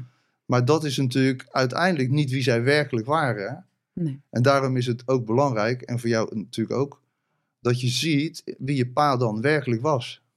Want als kind zie je vaak alleen het projectieveld, Ja. Ja. zonder de reflectie met opa en oma te zien. Ja. En dat wordt echt heel verwarrend. En Ja. op het moment dat je gaat begrijpen dat pa gevormd is onder invloed van zijn ouders, Mhm. nou dan kom je meestal in de generaties al rond eh, de periode van de Tweede Wereldoorlog. Mhm. Nou, dan ga je zien dat daar omstandigheden zijn geweest die ertoe geleid hebben dat jouw vader zich op die manier gevormd heeft. Ja. Ik, ik, ik heb nu al voor de zesde keer het beeld, omdat ik weet dat je heel veel met de, met de oorlog werkt. En daar ook over geschreven hebt. En nu zeg je het weer. En ik, ik koppel het steeds aan dat beeld van jou in die tussenberm.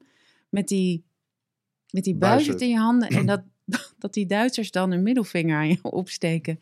Dat, alsof in dat moment helder werd dat jij ging helen in dat oorlogsveld. Of Ja, zo. heb je goed gezien. Ik krijg steeds dat beeld. Ik denk, daar ga ik maar niet op in, want dan wordt het gelijk zo diep. Maar dat klopt natuurlijk wel, ja. Nou ja, als we, er, als we er niet een ding van hoeven te maken. Ik bedoel, het betekent niet dat we voor of tegen. Nee, nee, Landen, nee, maar het is waar. Maar ik vond het ineens een, een Every grappig picture beeld. tells a story, hè? Ja, Ja, zeker.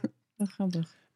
Ik, mensen komen in jouw werk of bij de praktijk of, eh, of met therapeuten die jij opleidt in aanraking. Dan dan is er vaak een, eh, een klacht. Dan, eh, dan, dan, vanuit die klacht kan je, kan je werken. Ergens eh, schreef je volgens mij ook van de, klacht.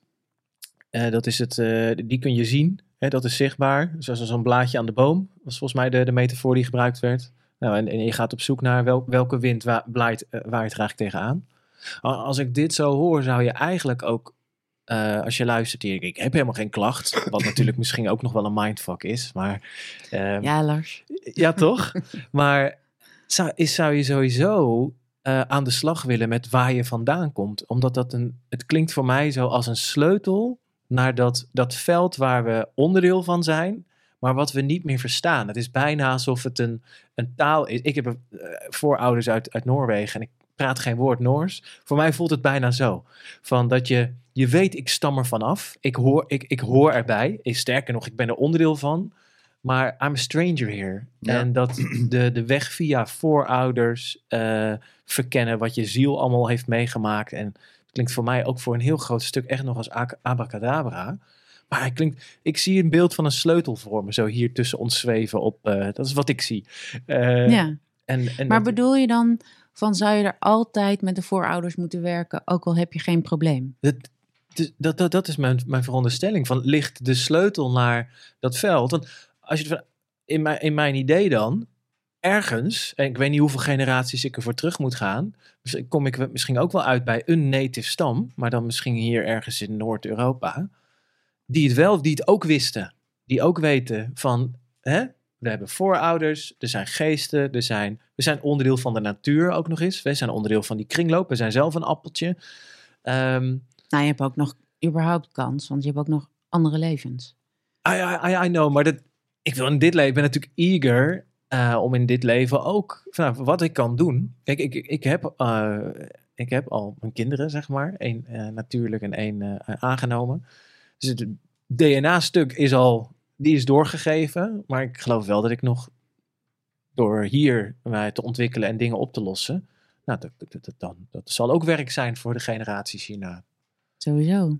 Ja, het is natuurlijk gewoon belangrijk te zien dat je niet, niet met je voorouders kunt dealen. Dus twee keer niet. eh, dat, dat is, dus je bent altijd met hen in verbinding. Het is een natuurlijk principe. Dus kijk, dat wij hier komen en in het verlengde eh, zeg maar, van hun voetsporen verder gaan, is voor heel veel mensen random. Je denkt van ja, oké, weet je wel, alsof het een soort willekeurig biologisch eh, gevolg is van, van seks of zo. Maar is het al een heling om gewoon weet te hebben van je voorouders? Ja, nou ja, laat ik zo zeggen. Kijk, maar ik schrijf er in mijn boek natuurlijk over. Ik spreek alleen maar op, op basis van mijn ervaring. Mhm. En ik heb natuurlijk aan de lijve ondervonden en gezien dat dat alleen maar heling teweeg brengt. En in feite dat iedere klacht van welke aard dan ook hun oorsprong vindt in beschadigde relaties met voorouders. Nou, dan heb ik het ermee gezegd. Dus je kunt niet een klacht van, van eh, kaliber hebben terwijl je in een harmonieuze verbinding met voorouders bent.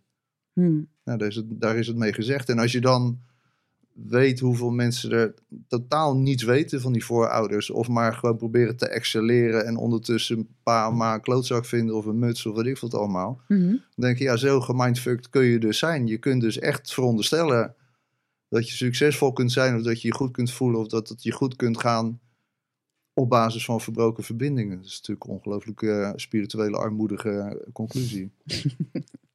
Heel armoedig. Ja, en er is natuurlijk hard aan gewerkt natuurlijk door, eh, door eh, allerlei invloeden om ons in die spirituele armoede te houden.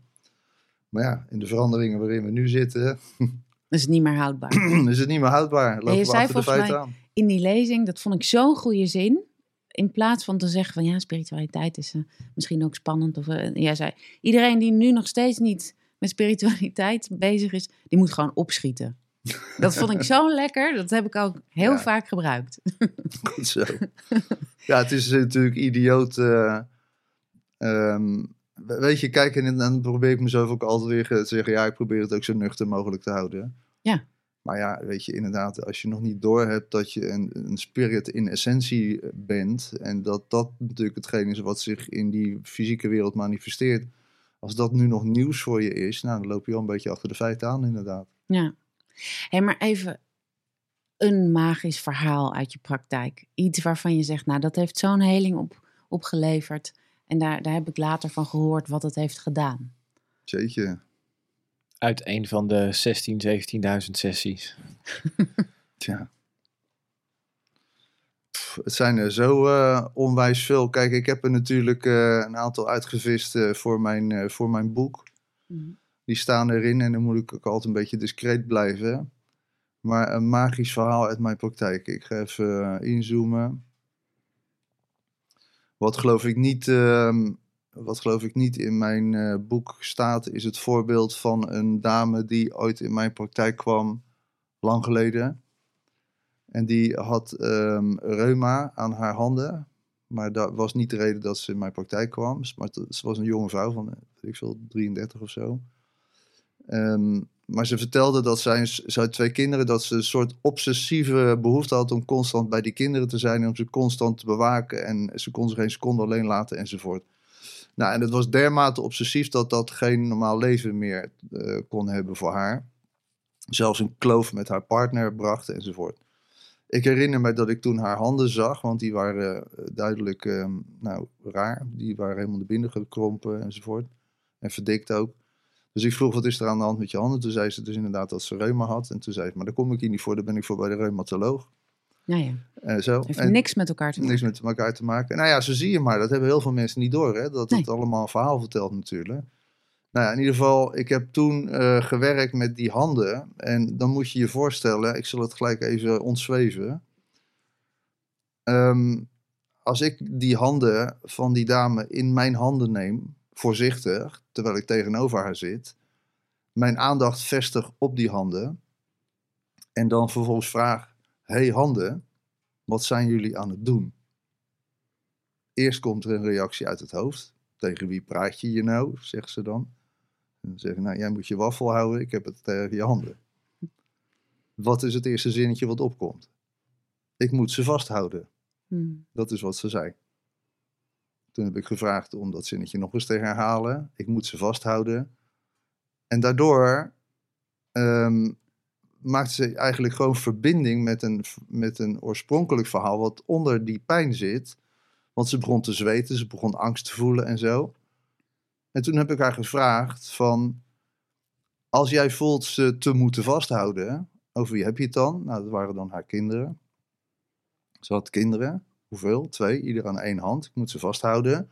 Dan ontvouwt zich een plaatje waarin ze een jonge moeder is, die haar kinderen moet vasthouden, kennelijk. En in haar bewoording zegt in een situatie te zijn die, die voldoet aan de omschrijvingen van een concentratiekamp. Ja. Dus met prikkeldraad en bewakers en andere mensen en eh, dat allemaal. ik ga verder de discussie niet aan. Ik denk, nee, ik ga uit van wat zij vertelt. Mhm. En wat gebeurt er dan? Nou, dit en dat. En uiteindelijk vertelt ze dat ze dan de gaskamer ingedirigeerd wordt. En dat ze met die kindjes ehm, eh, daar dan staat. En eh, ja, dan moet je je natuurlijk voorstellen wat een gigantisch emotioneel verhaal dat dan wordt. Op het moment dat zij merkt dat er eh rotzooi in de, in, de, hoe heet dat, in de lucht eh, komt. Dat gaat branden in je keel en alles. Heeft natuurlijk door dat het stront aan de knikker is. En dan moet ik er wel iets bij vertellen, want voordat wij die sessie ingingen, vertelde ze dat ze een dwanggedachte had, wat iedere keer in haar opkwam voordat ze ging slapen. Zij noemde het zelf, het is een duivels stemmetje. dus ik zei, wat zegt hij dan? Nou, die zegt iedere avond, jij moet de dood van je kinderen meemaken. Hm. Ja, dat, dat, was, dat was wat het influisterde, zeggen de deur tegen niemand te zeggen. Dat was ze doodsbang voor, voor dat zinnetje. En dat was een duiveltje die in haar sprak, en weet ik veel. Nou ja, en nou verder dat ze dus in die gaskamer dan terechtkomt en die kindjes vasthoudt. Die heeft ze twee knuisjes natuurlijk in die handen. Dus dan kun jij je voorstellen hoe zij zich gevoeld moet hebben en wat die handen dan doen. Die gaan krampachtig die knuisjes van die kindjes vasthouden. Maar op het moment dat ze merkt dat de stront dan eh, aan de knikker is en dat er allemaal rotzooi in de lucht zit, dan is mijn vraag op een bepaald moment van als je beseft wat, wat hier gebeurt, wat, wat besluit je dan? En dan zegt ze, ik wil de dood van de kindjes met mijn kindjes meemaken. Ze zei, zeg dan nog eens. Ze, ik wil de dood van mijn kindjes meemaken. En toen ineens besefte ze dat haar moederinstinct haar dat ingaf. Hè? Hmm. Zij wilde als moeder haar kinderen niet alleen laten. Dus ze wilde zeker weten dat zij dood waren voordat ze zelf dood ging. Ja. Dat is een diep inzicht. Ja. Maar zij beseft op dat moment dat het dus niet van een duiveltje is. Dat was natuurlijk de logica van een moeder in zo'n gebeurtenis. Ja. En de programma's die onder dat soort schokkende ervaringen dan draaien in zo'n persoon, maken het mogelijk dat je weliswaar sterft, maar dat je dat niet bewust meemaakt. Dus dan betekent het dat je als het ware in die ervaring blijft hangen in een soort gefragmenteerde vorm, terwijl je niet precies beseft dat het zich voltrokken heeft. Het is natuurlijk zo tegennatuurlijk.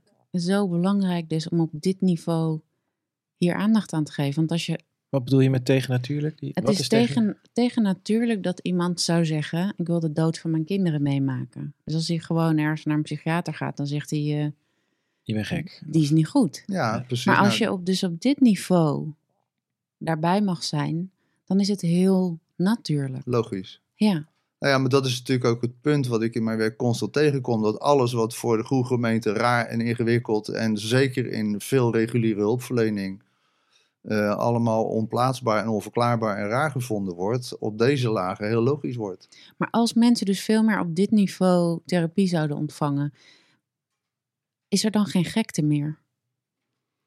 Ja, weet je, ik vind, ik, ik wil de, de, de, de hele situatie niet af laten hangen van dit werk. Maar het is natuurlijk wel zo dat ik niet voor niks dit boek geschreven heb en er zo van, van wil laten weten aan iedereen.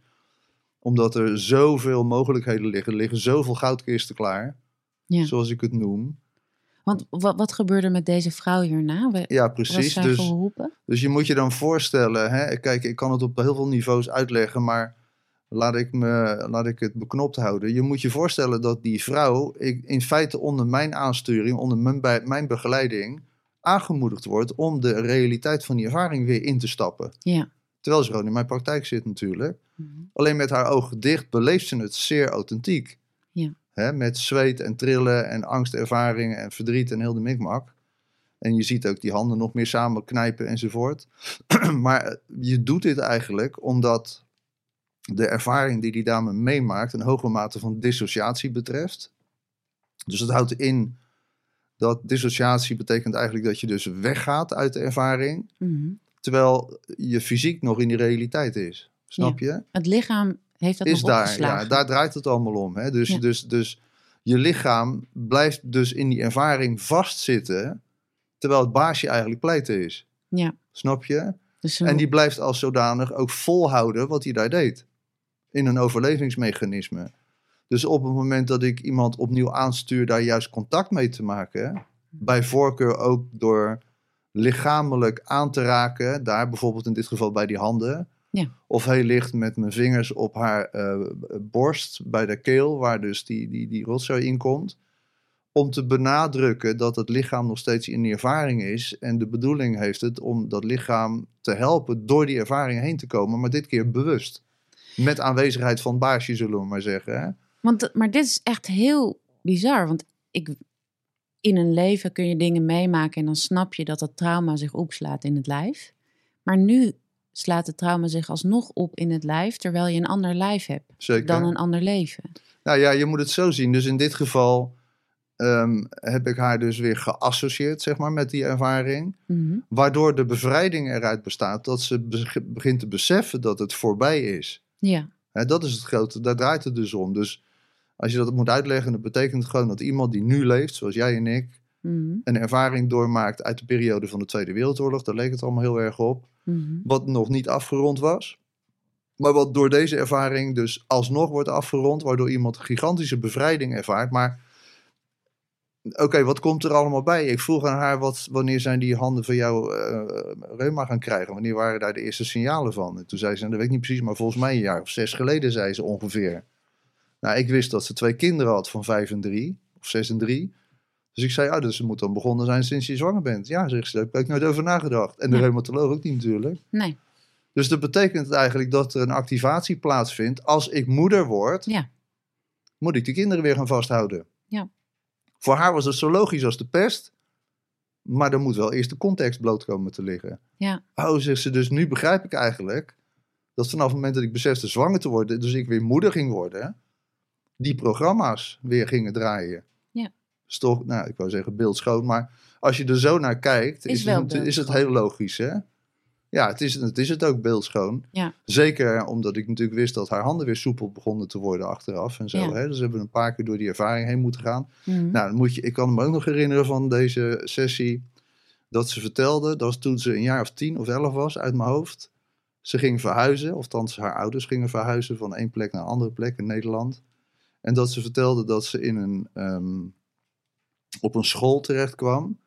Waar ze dan naartoe moest als kind. En ze omschreef die school als het meest verschrikkelijke eh, gebouw wat je kon bedenken. Het was hoekig, met een plein eromheen, met hekken eromheen Mhm. enzovoort. Dus in feite beschreef ze een soort concentratiekamp. En toen werd zij daar op die school gezet. Dus ze moest er ook met de trein naartoe.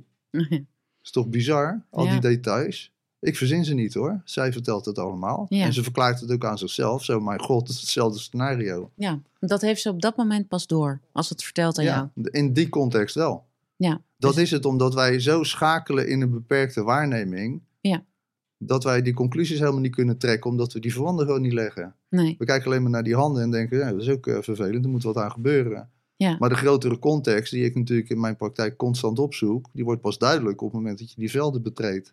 Ja, En dan ga ik het niet uitleggen, ze leggen het aan mij uit. precies. Vandaar dat ik zoveel verhalen heb natuurlijk. Nou, dat is ook. Ik vind dit wel de, de essentie van magie eigenlijk. Omdat magie is niet alleen maar eh, regenbogen en, en, en mooie Veren. dingen. En Nee. Veren. Maar het, de magie is, is als er heling plaats mag vinden. Doordat je door dit soort moeilijke dingen heen Ja, stapt. zeker. En het is een, een heel naar verhaal. Maar ze is er wel doorheen gegaan en heeft er heling op gebracht. Nou, kijk, je, je, het is goed dat je het nog even benadrukt. Je zou het bijna vergeten van waarom hou ik me met deze dingen bezig. Maar dat is natuurlijk hierom. Ja, om dat resultaat te komen.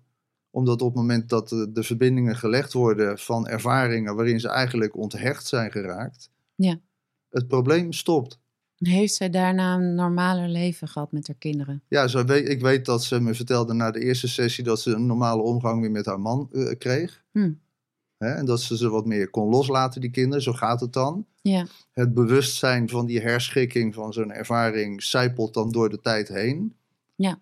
Waardoor ze voelt gewoon dat het niet meer zo is dat als zij haar kinderen loslaat, letterlijk en figuurlijk met die handjes, dat dan de pleuris uitbreekt. Nee, dat ze gewoon de tijd aan zichzelf kan krijgen. Daar draait het allemaal om. Ja. En in dit geval vertaalde het zich ook naar haar handen letterlijk, dat die soepel begonnen te worden. Ja, dus ze hoefden het niet meer in de hand Ik herinner me dat ze toen zei van op de laatste sessie van ik weet niet hoe ik dit aan mijn reumatoloog moet uitleggen. Ja, Kijk, en dan denk ik, ja, kijk, als ik dit nu roep, hè, ik bedoel, ik lig best wel in het vizier, dan zeg ik dus niet dat ik reuma kan genezen. nee. Hè, voor de duidelijkheid, dat zeg ik niet. Ik ga gewoon een parcours in vanuit de klacht die er al is. Mhm. Dit is het verhaal wat er bij iemand uitkomt. Ja.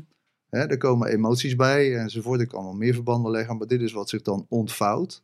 Ja. En het gevolg is dat ze zelf aangeeft dat het beter gaat. Maar is dit dan wat Einstein bedoelde met the solution to the problem is never at the level of the problem? Ja, nou dat denk ik wel. Ja. Ja. Het is echt out of the box. Mensen moeten echt heel iets anders. De hele medische sector moet dit gaan integreren eigenlijk. Ja, de medische sector is, is natuurlijk eh, kort door de bocht een sector die gesponsord wordt door de farmacie. Ja. Dus iedereen die daar eh, een studie doet, die wordt geleerd natuurlijk, eh, nou die wordt eigenlijk ontleerd om vanuit de spirituele, spirituele kant naar problemen te kijken. Ja. Het gaat daar nooit over voorouders en chakra's en energiebanen en magnetische velden. En, Nee. Dat is allemaal een gevaarlijk veld. Ja, en nou ja, goed, weet je, laat ik het daar maar op houden. Dus, dus eh, de medische wereld is daarom ook. Weet je, de medische wereld die gaat helemaal niet uit van spiritualiteit of bewustzijn. Sowieso niet. Nee. Nou, Alles wat daar besloten wordt. Ja. Ja, dit, Ja. dit moest het wel wordt steeds meer wakker. Ja. Ja, maar als je. Als je, als meer je holistische kijk. Net zoals de dierenarts die we spraken. Ja, Jawel, maar dat is incidenteel. Hè? Ik bedoel, ik heb het in mijn boek ook ergens staan, geloof ik. ehm, waar de medische wetenschap zich op baseert op tien aannames of zo. En dat zijn gewoon eh, nou, feiten. Hè? nou ja, alleen al het woord aannames. Ja. Ja, dat, nou ja, en wat daar ligt daarin? Eh, dus de, de, de- laat maar zeggen dat wij gewoon een willekeurige eh, objecten zijn, zeg maar, waar geen bewustzijn of ziel in zit. Ja. Nou, dus alles wat er besloten wordt, wordt niet vanuit dat, vanuit dat besef dan besloten. Dat Nou, ik begrijp wel een beetje waarom eh, de nuchtere wereld. Ik bedoel, je, je was net zelf ook voorzichtig met uh, de spirituele Zaza. Maar ik snap wel dat. Um, je bent helemaal mijn train of thought kwijt. Dat de nuchtere wereld daar voorzichtig mee wil zijn. Um, ja, omdat het er niet alleen maar om gaat om te zeggen: ik heb een vorig leven gehad en daar was ik Afrodite of weet ik. Er zijn altijd en dan hebben mensen een interessant verhaal. Dan zijn ze ineens spiritueel, want ze, ze komen uit, de, uit een bijzondere tijd en iets bijzonders meegemaakt. Maar zoals jij het doet, en zoals ik er ook in geloof, het moet wel een functie hebben om terug te gaan naar een ander leven. Niet gewoon om een heel bijzonder verhaal te hebben of een, of, of een soort orakel te zijn, maar dat er heling plaatsvindt. Ja. Anders is het misschien een afleiding. Ja, dat, dan is het een afleiding of dan is het spiritueel ego. Ja, ik was vroeger een of andere prinses. Ja, en? Ja, maar kijk, ik denk dat, dat ieder werkveld uh, natuurlijk die excessen heeft. Hè? Er zijn, ieder werkveld uh, wordt belichaamd door mensen die er dan weer een loopje mee nemen. Ja. Hè? Of, of, of die er dan een of andere uh, absurde interpretatie aan verbinden. Maar ja, dat is niet wat reïncarnatietherapie inhoudt natuurlijk. Nee, maar het houdt het zuiver. Ja. Als je er ook mee aan de slag gaat. En, ja, daarvoor moet je er eerst mee verbinden. Je moet eerst je een verdiepingsslag maken en willen weten hoe het dan echt in elkaar zit. Er zijn in deze tijd natuurlijk zoveel mensen die zich al reïncarnatietherapeut noemen. Op het moment dat je iemand in een vorig leven terecht kan doen komen, dan ben je al heel wat tegenwoordig. Ja. Ziet er allemaal heel indrukwekkend uit. Maar, wat zijn nou de, de belangrijke uh, uh, kwaliteiten van een reïncarnatietherapeut? Want mensen kunnen bij jou niet terecht, want je bent te vol, je doet te veel. Maar hoe vinden ze dan iemand waarbij ze dit kunnen doen? Waar, moet, waar moeten ze op letten? Nou ja, het is natuurlijk van, kijk, het is als je nou, als je een goede kok wil worden of een goede reïncarnatietherapeut. ik, ik ben altijd erg autodidactisch, weet je. Het is zo goed om gewoon ergens in te stappen en onderzoek te doen. En je moet oppassen dat je ego er niet een loopje mee neemt als je daar nou erg ontvankelijk voor bent. Want dan blijf je halverwege je lidtraject hangen. En dan ga je natuurlijk op basis van al je zogenaamde successen een of ander systeem optuigen waarin het allemaal prachtig mooi moet zijn.